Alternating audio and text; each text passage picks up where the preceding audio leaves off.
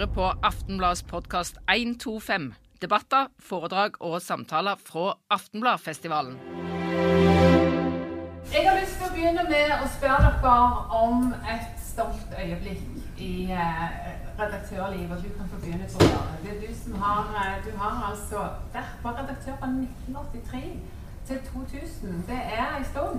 Jeg var redaktør i alle de gode åra. Du var det? Ja. Men er det et stolt øyeblikk? Er det liksom en, eh, noe som skjedde som virkelig stikker seg fram, som eh, du ser tilbake på med glede og stolthet?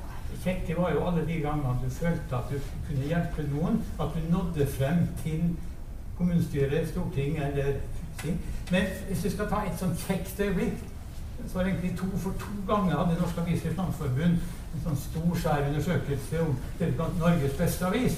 Og begge gangene kom Aftenbladet ut på topp. Og det skyldtes selvfølgelig ikke bare, i hvert fall ikke natten bare også, men det jo et resultat av mange år. ikke sant? Det, og det gikk altså på lesere, hvor mange av leserne var fornøyd med lokalavisa si. Og, og der står det fram, men det er jo fordi at Aftenbladet i lang tid har hatt en troverdighet, og folk har følt nærheten til Aftenbladet. Men det var veldig kjekt å få det på i tall allikevel. Det kan jeg tenke meg. Jens Barland, du har ikke vært så lenge. Du var fra 2000 og nesten ut 2002. Eh, et stolt øyeblikk? Litt vanskelig å ta ett øyeblikk, men jeg tenkte meg kanskje i hvert fall tre ting. Noe som ikke var ett øyeblikk, men som var liksom noe som jeg fikk veldig sånn god følelse for og fikk god respons på. Det var at jeg i løpet av det første året jeg var, så besøkte jeg alle kommunene i Rogaland. Og traff folk der og hadde med meg lokaljournalister og sånne ting. Det ga en annen veldig flott sånn kontakt helt ut på, fra Utsira til Moi, altså. Det eh, gjorde noe for meg. Og så vil jeg si en ting til. Jeg kom jo på et tidspunkt som gjorde at jeg fikk litt skylda for internett. da. Alt det trøbbelet de medfører av penger som finner andre veier og lesere som gjør andre ting og sånn. Så jeg øh, olstra med det, for å si det sånn. Men øh, samtidig, vi, midt i dotcom-krasjtidene, så så vi begynte med å utrede tolv store nettsatsinger. Og så lanserte vi kanskje to av de. Og de ble veldig bra. Veldig bra. Ja. Og så kanskje Stolt øyeblikk. Det ble så mye rettssaker. 15 ganger hadde jeg politiet som part i, i, i helt opp til Høyesterett. Og jeg tror det var 15-0 mot politiet i, i rettssalene på vegne av Aftenbladet. Ja, det er veldig bra. Tom Etland, du, altså, du overtok etter Jens i 2002 og var konstituert en liten stund. Og så var du på fraktig til 2011. Og Det var vel mange stolte øyeblikk, var det ikke det?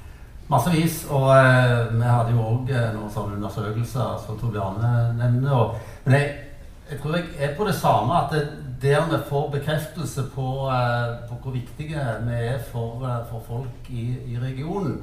Eh, jeg skal ta ett, bare ett egentlig Kanskje et lite eksempel, men det ble stort for meg. Jeg skulle snakke jeg tror det var i en Rotary-klubb. Og så ble jeg introdusert av, av lederen med spørsmålet Hva vil du med avisa vår? Altså avisa vår.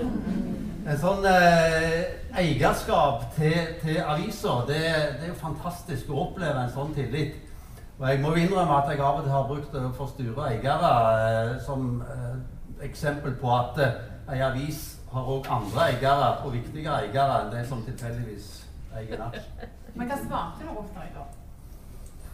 Ja, det var et langt foredrag om hva du skulle gjøre, strategier og verdier og alt det der. Så det skal vi ikke ta her. Var de fornøyd med svaret, da? Ja, det tror jeg. Ja, så bra. Men de hadde alltid de hadde gode spørsmål. Veldig bra. Ja. Det kan jeg bekrefte. De er med på foredrag. Ja. Lars Helle, du er nå ja. midt i svevet.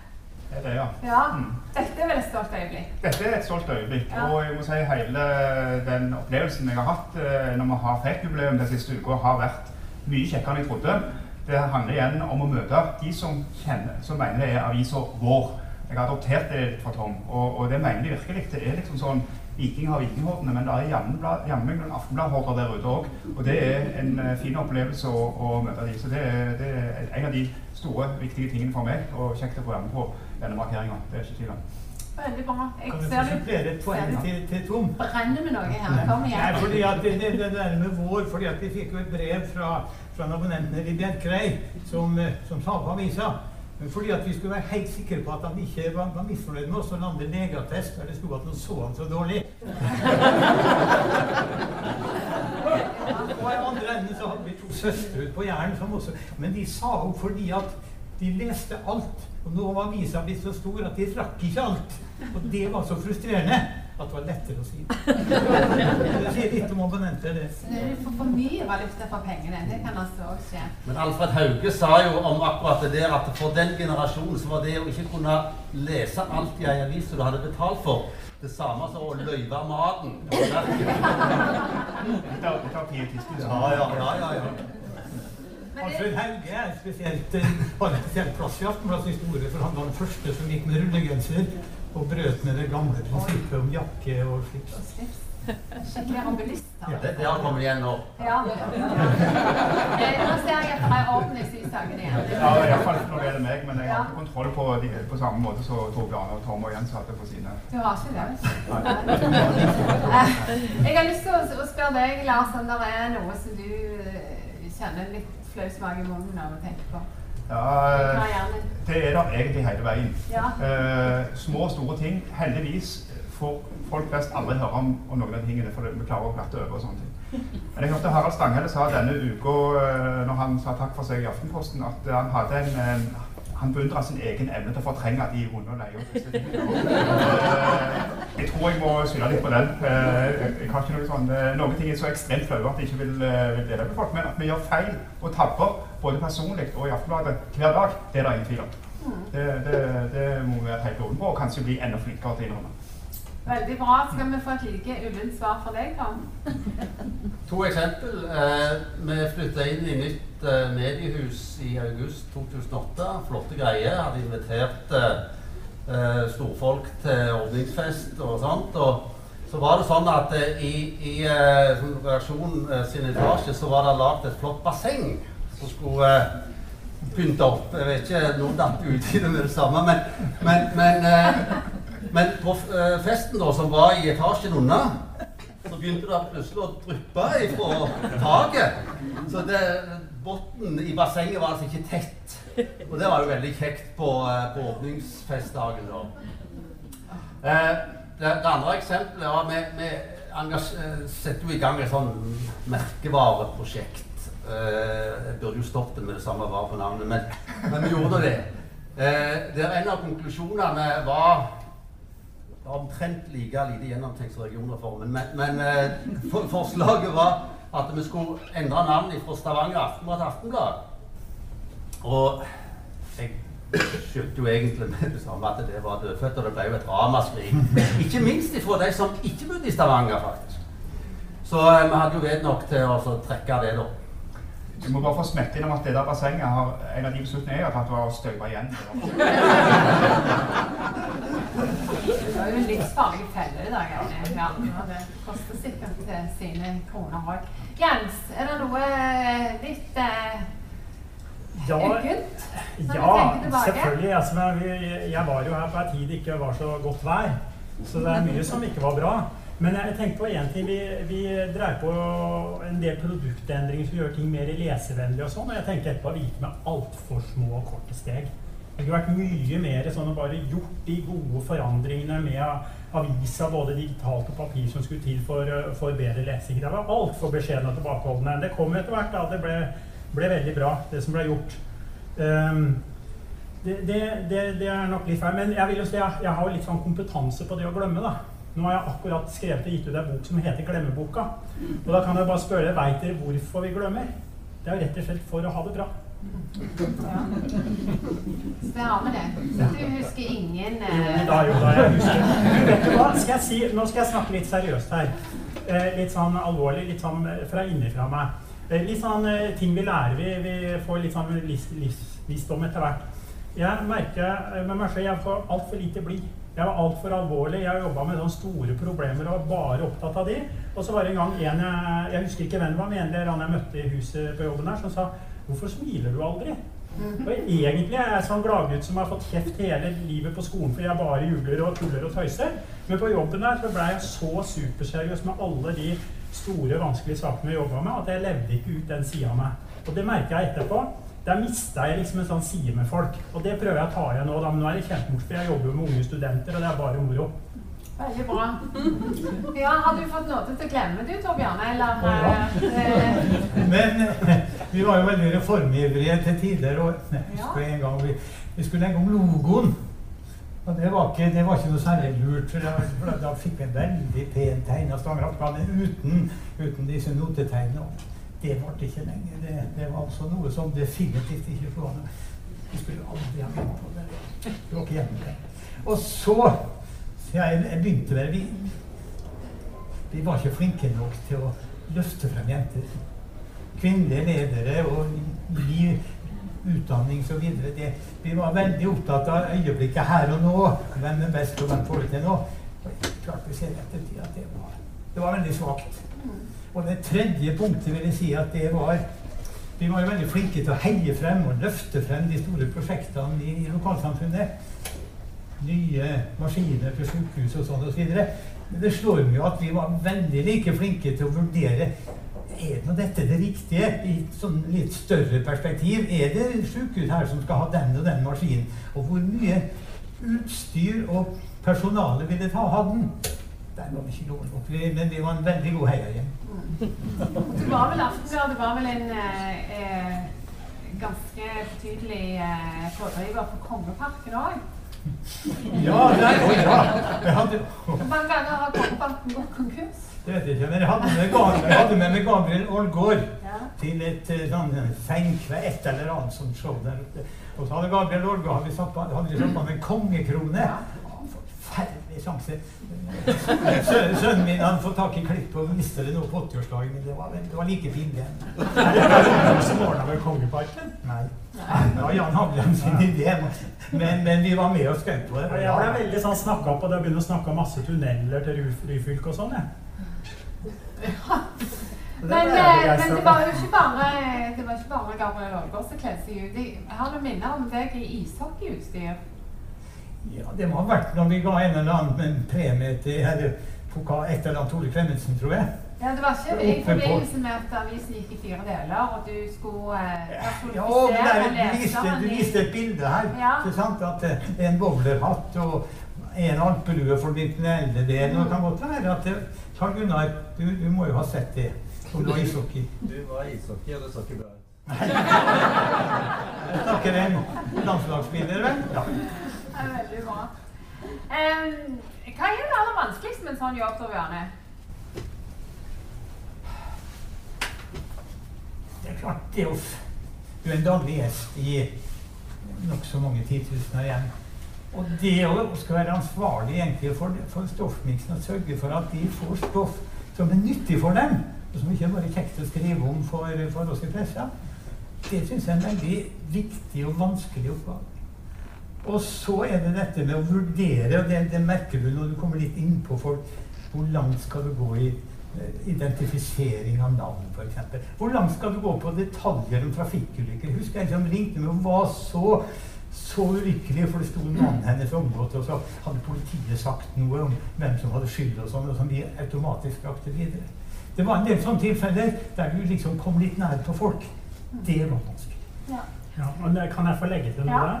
For det var noe jeg merka i en del sånne eh, vanskelige saker vi også uh, plundra med, som jeg var involvert i. Og så var det det at vi merka at ja, Dagbladet VG de kan skrive hva de vil, men Aftenbladet Man hadde en annen forventning. Sånn at eh, vi kunne ikke skrive sånn, eh, sånn og sånn. Det, de langt borte kunne gjøre det, men de forventa rett og slett eh, helt andre ting fra oss fordi vi var nærmest som et familiemedlem, og da fikk vi gjøre det på en litt annen måte. Ja, Ja. Så det gjorde ikke noe at det sto i avisene fra Oslo at folk visste det, men vi skulle ikke skrive det sånn. Nettopp. Gjelder dette i dag òg, Lars? Det gjelder akkurat like mye i dag som den gangen. og Det er noe av den der balansegangen du har med å være vår type avis.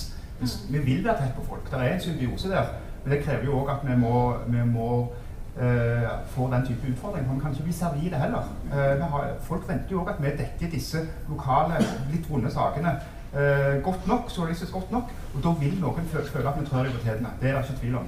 Og, så den vurderingen der må vi ta med ofte. Jeg syns vi er blitt ganske gode og ganske gode å snakke sammen eh, i, i redaksjonen om diskutere i etterkant.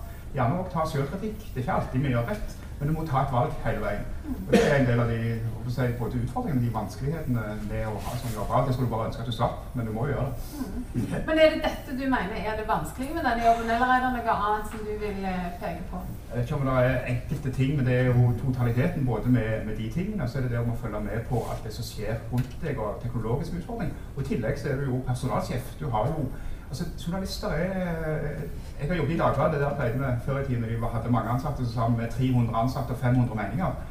Og eh, sånn er det jo i, i, i, i Aftenbladet òg. De fleste har vært elevrådsleder og har sine meninger og vet, best sjøl. Jeg er jo akkurat sånn sjøl òg, så det er jo ikke, eh, er ikke noe så unntak for meg. Og så skal du liksom prøve å holde dette sammen, og så skal du få de til Og så er det alltid et forventningsgap mellom det de mener er best at vi gjør, og det leseren der ute mener er det beste vi skal gjøre. Og så kan du prøve knekke de kodene. Så det, den, dette er jo sammensatt. Det er jo det som gjør det kjekt òg, for all del. Det er en annen balansegang der. Sånn, jeg var inne så vidt på dette med å komme høyt opp på tabeller og sånn. Og så er det samtidig det å ha tillit. Det er automatisk en fordel. Kan det være slik at du får tillit fordi at du bekrefter folk? Fordi at du står på for det, det som stort sett mener? Og at hvis du er litt kontrasjell eller tar opp vanskelige saker, så mister du på en måte tillit. Vi hadde en sånn Arne Rettedal var med en fantastisk høvding. Så dukka det opp en rettssak i forbindelse med Rogalandspakken. Og det gjaldt også andre saker der Arne Rettedal satt på, i hvert fall på to sider av bordet, kanskje på tre. Og det forsøkte vi å skrive om. Og da kom det liksom ramling. Og Aftenbladet Arne Rettedal som hadde gjort så mye, og så skulle vi liksom rote med det. Det, det, det illustrerer litt av den der dobbeltheten. Og det, det er alltid fare for lokalaviser, ja for alle aviser egentlig, at du blir bekreftende og heiende istedenfor undersøkende. Dette med å være både lim og lupe er ikke alltid like lett. Nei, det forstår jeg. Bitte lite innslag. Spør Ja. ja. Jeg kan bare supplere litt. uh, Tor Bjarne sier det er litt en, en del av redaktørrollen som er veldig lite synlig, både eksternt og kanskje til og med internt. Og det er liksom den bufferen, alle disse maktmenneskene og alt det der som man håndterer og snakker med og sånn. Og som på en måte kanskje til og med truer deg om det ene og det andre. Men som du kanskje faktisk aldri forteller noen i redaksjonen om at du en gang har snakka med. Fordi at de skal oppleve uavhengigheten, at ingen sånne kan via den måten komme og rote og blande seg inn i stoffet. Det er også en viktig del av en redaktørrolle. Tom? Nei, altså, Bjarne er jo inne på noe viktig. Altså, vi snakker mye om ekkokammer i dag. Og et lokalsamfunn eh, kan jo fungere som et ekkokammer der en helst vil ha bekrefta eh, de oppfatningene en har om lokalmiljøet og hvor, hvor bra det er og sånn. Så hvis, hvis ei avis eh, provoserer og, og rusker opp i noe av det, så, så får en lett eh, reaksjoner. Ellers så er det jo sånn at jeg ser Gunnar Kvassheim sitter i salen, og jeg har til sitert noe han sa en gang, at eh, jeg er glad for å være redaktør i en avis der jeg må se folk i øynene dagen etterpå. Der er noe der òg eh, som gjør at du, du, du blir pressa til å så opptre grunnleggende anstendig. Av og til så må vi gjøre folk gjøre ting som folk opplever som vondt. Men verre er det hvis, hvis vi gjør folk urett. Det, det syns jeg er, er kanskje det aller verste å tenke på, at en kanskje har gjort det. Og så har vi makt. Det er ikke uproblematisk alltid. Du kunne se f.eks. Det er mange sykdommer sånn. Men hvis de løfta opp f.eks. Petter Vi hadde Petter og noen noe med her. Når, med en gang vi løfta ham, så var det ordna neste dag. Mens alle andre som, som ikke ble heisa opp de, kunne komme flyktninger eller sånn, og fikk du spalteplass, så var det mye lettere å vinne gjenklang rundt omkring. Så det å være bevisst hva du, hva du gjør, og hva du, ikke hva du ikke gjør hvordan, hvordan forvalter en det ansvaret da? Hvordan eh, velger du Petter og ikke Lars med samme hjertelidelse? Godt stoff. Nei, det er, det er vanskelig, men du, det kommer et tilfelle, ikke sant? Og du, det, er ikke sikkert du alltid egentlig har vurdert det. må du bare innrømme, Det er ikke sikkert du har vurdert alle sider ved dette. Er nå dette det riktige tinget, f.eks.? La oss si i går, vi, to dager siden, så så vi at, eh, at eh, eh, det, var et, det var en som forlot eh, åh, Telenor. Ikke sant? Og alle de første reaksjonene jeg så, var veldig sånn og sånn og sånn. Men så til slutt begynte det faktisk å komme noen sider. ja vel, er det all verden at, et, et, at en leder etter sju år i en stilling må, må flytte på seg, f.eks. osv. Det kom en del motforestillinger, men de var ikke til stede i de, liksom, de første seks-sju timene. Nei, men eh, Lars, er det ikke det vi ser litt i denne bompengesaken òg, da? At det har vært massiv dekning og mye sympati og omsorg for alle de som eh, må punge ut på titusenvis. Og så snur de litt. Og så begynner det å regne og Det, det kan godt være at det ikke var eh, Nå vil jo jeg eh, altså Bompengesaken er utrolig spesiell når det gjelder pressedekning. Og jeg vil jo si at jeg, kan, jeg tror nok kan dokumentere at Aftenbladet har fortalt både de historiene og begge sider gjennom mange år. Men, men der møter vi nok litt en mur, for det har gått opp for folk. Og det har noe med at vi, vi kanskje vært dårlige på timingen. Nå går det opp for folk. Nå har de satt opp disse 38 stasjonene, og de kommer ut 44 kroner, og så begynner de ganger, og så kommer de opp i 40 000. Noe svært få, om noen, kommer til å måtte betale. Men det blir, jo en stor sum. Og så har, har det blitt et sånn, eh, sånn jeg, jeg, jeg, har så, jeg har ikke så dårlig samvittighet akkurat der, men der jo, det de har gjort, er at de har assosiert Aftenbladet med maktapparatet. Og det vil vi heller ikke være. Vi vil jo Vi er til og med blitt beskyldt for å at det er vi som har vedtatt bomringen. og, og, og, og når, når vi hadde stått på stand her ute, så sa redaktør Tom Harald hun sa, sto ved siden av og sa nei, det er jo ikke vi som har bestemt det. Det er iallfall 90 så,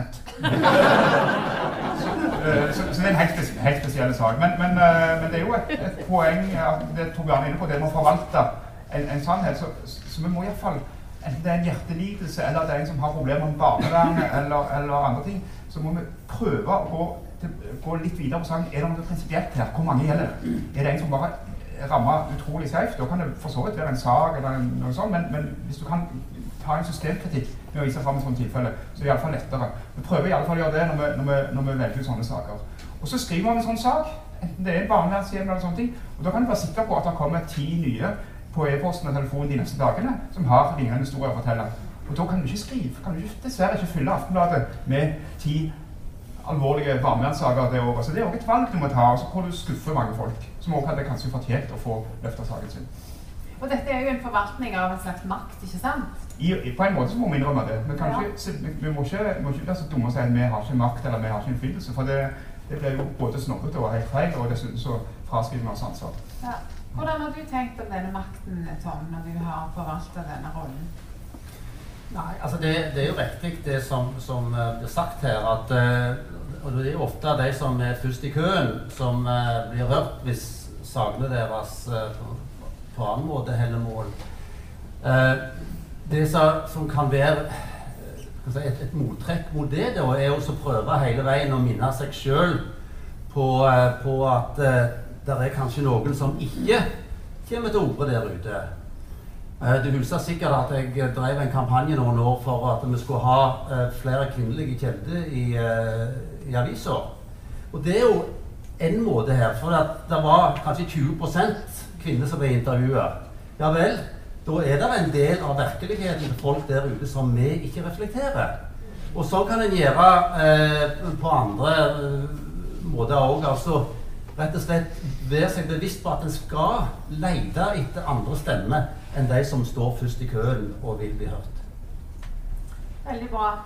Eh, hva, hvordan har denne samfunnsrollen endra seg, tenker du Tor Bjarne, som sitter i hornet på veggen og ser på dette?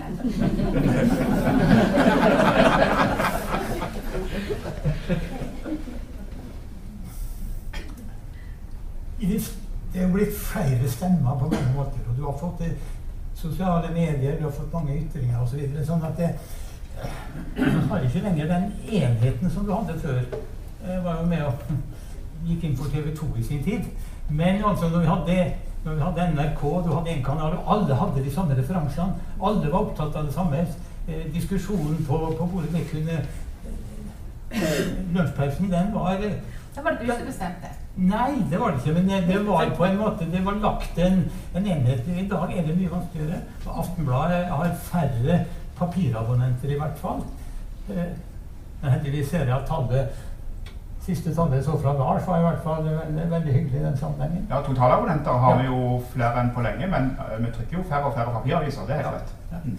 Nei, men jeg veit ikke om jeg har noen sånne fantastiske sosiologiske eller samfunnsvitenskapelige forklaringer på om, om jeg, syns fremdeles at media har en veldig viktig funksjon. Og ser du på de sosiale medier så Alt det som kommer frem der, eller i hvert fall 93% er jo henta fra, fra dagspressen.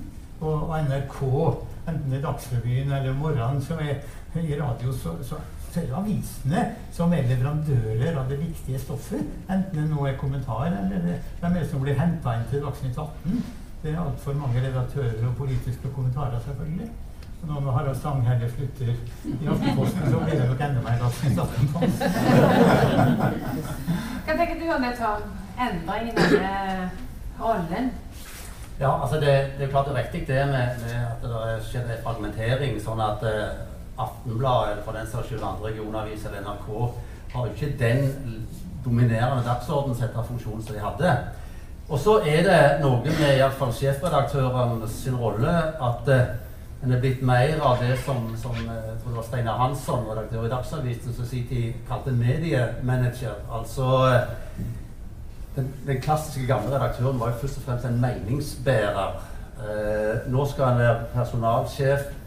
En skal være eh, på høyden med den teknologiske utviklinga. En skal eh, være en god økonom. Og eh, i praksis Lars er en av de som gjør et hedrende forsøk, men jeg ser jo hvordan sjefredaktører på en måte abdiserer for denne meningsbærerrollen. At det blir i beste fall en politisk redaktør som, som, eh, som overtar den. Så, så der er det skjedd ei dramatisk endring. Har du eh, et innspill fra akademia der? For dette jobber jo du til vi skal med i, eh, Ja. på NTNU? Ja da, det? det er noe av det jeg forsker på. Jeg, jeg hadde jo mange år både i Dagbladet og Aftenposten ved siden av her, og nå er jeg på NTNU. Og eh, vil, hvis jeg følger opp litt av det Tor Bjarne sa, med at det kommer så mange andre ting altså Mediene har alltid vært, og redaktørene har vært veldig viktig som en slags ordstyrer eller premissgiver eller portvakt for hva som vi skal være opptatt av å diskutere, hva samfunnet skal bry seg om i dag. Men de har aldri hatt monopol. Det har også vært kirkebakker, det har vært torg.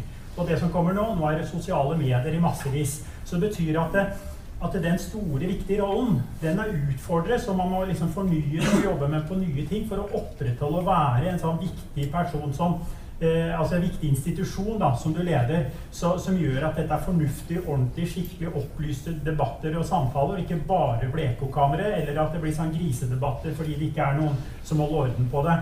Men samtidig, da, det er liksom den ene utfordringen, samtidig så skjer det så mye digitalt som gjør også at alt dette store, flotte skal man også få til å gjøre for en brøkdel av prisen av hva det kosta før. Fordi så mange penger som gikk til nyhetsmedier før, nå går litt andre veier, så man får litt mindre av det. Så skvisen med kaoset og skvisen med pengene, det gjør at den rollen den er like viktig som før, men er jammen meg vanskeligere enn den noen gang har vært. Veldig bra. Takk skal du ha. Kan vi få ta en bitte liten Ja. parentes der, bare? Ja. Fordi at for, Lars og jeg jobba under totalt forskjellige ytre forhold, økonomiske forhold i en del sammenhenger. Og vi hadde, jeg kom over et gammelt klipp forleden der det var en intervju, det var en journalist som spurte meg hva sitter du og tenker på nå. Og da svarte jeg jo, jeg sitter på å tenke på hvordan vi skal få til fotodekningen vår ved, ved OL i Sør-Korea. Fordi at det er en del tekniske ting som ordnes Ja. der. Jeg tror problemene for Lars er kanskje litt annerledes. Ja, kommer vi oss til Sør-Korea, Jeg vet ikke hva som helst problemstillingen min, da. Ja, interessant. Eh, jeg har lyst til å spørre dere som har eh, trådt av, for vi begynner å nærme oss eh, slutten på dette hyggelige møtet. Eh, vi kan begynne med deg, Tom. Eh, hvordan oppleves det å forlate en sånn jobb? Eh, Nei, jeg, eh, jeg syns jo det var, var en lettelse.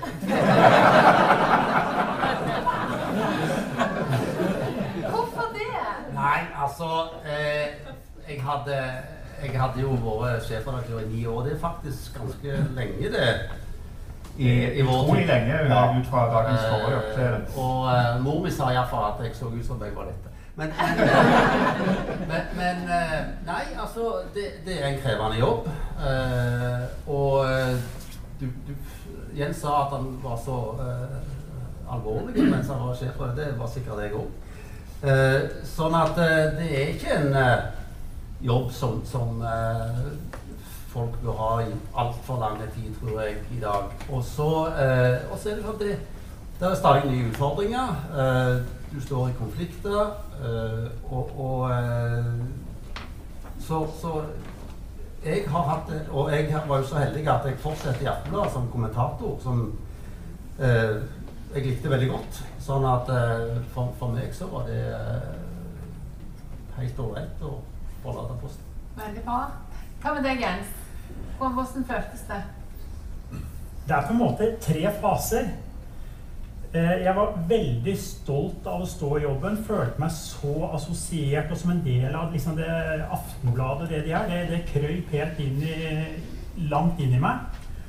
Og når jeg tenker på det etterpå nå, så er det det jeg husker. Innmari stolt av å ha fått lov å, å lede Stavanger Aftenblad en, en viktig periode. Men liksom akkurat da jeg slutta, det var som jeg sa, det var litt uh, dårlig vær på den tida jeg var leder, med mange ting, så, så slutta jeg fordi at jeg så det at dette her, det kommer ikke til å gå bra for deg. Så da fikk jeg gleden av å si det før det bare blei sånn. så, sånn at, eh, men, men, nå i ettertid så har jeg bare en veldig veldig god opplevelse av den perioden jeg var i Aftenbladet.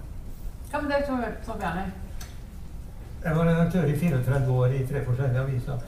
Men jeg, og jeg syns det var fantastisk. Det var, jeg har kalt det en jobby. Blanding av jobb og hobby. Og, var, og, jeg var i den beste av alle avistider. Men jeg visste at det var sluttstreken var 31.9.90. Jeg visste det øyeblikket var ansatt. Så det var egentlig ikke et stort problem. Da jeg slutta i Vårt Land 17 år så gråt jeg omtrent for første gang i mitt liv. For det ble så sterkt. og Jeg hadde følt jeg var en sånn del av det. Og, og Vårt Land var en annen type avis enn Aftenbladet, så det ble to forskjellige ting. Men det som bekymra meg, var egentlig hva skal jeg gjøre nå? Mm. Men så dukka det heldigvis opp ting som Så jeg forlot Aftenbladet, og det var veldig kjekt, men gjort var gjort, og spist var spist. Og jeg var nesten ikke der senere, for jeg syns ikke gamle redaktører skal gå igjen i gangene. Men jeg husker det, Bjarne, vi satt på ditt kontor en av de siste dagene du var på jobb og diskuterte framtida, og vi var vel skjønt enige om at det kom ikke til å bli fullt så enkelt så det hadde vært. Utviklinga hadde jo vist viste seg jo tydelig allerede før, før årtusenskiftet at uh, de gylne tidene vil ikke bli fort så gylne. Og så vet Du hva, du skal ha berømmelse en ting, Torbjørn. Du var innmari flink til å holde deg borte. Og så var du innmari flink til å faktisk være tilgjengelig når jeg trengte å prate med deg. Ja, det er bra. Vi la det bli siste ord. Tusen takk skal dere ha.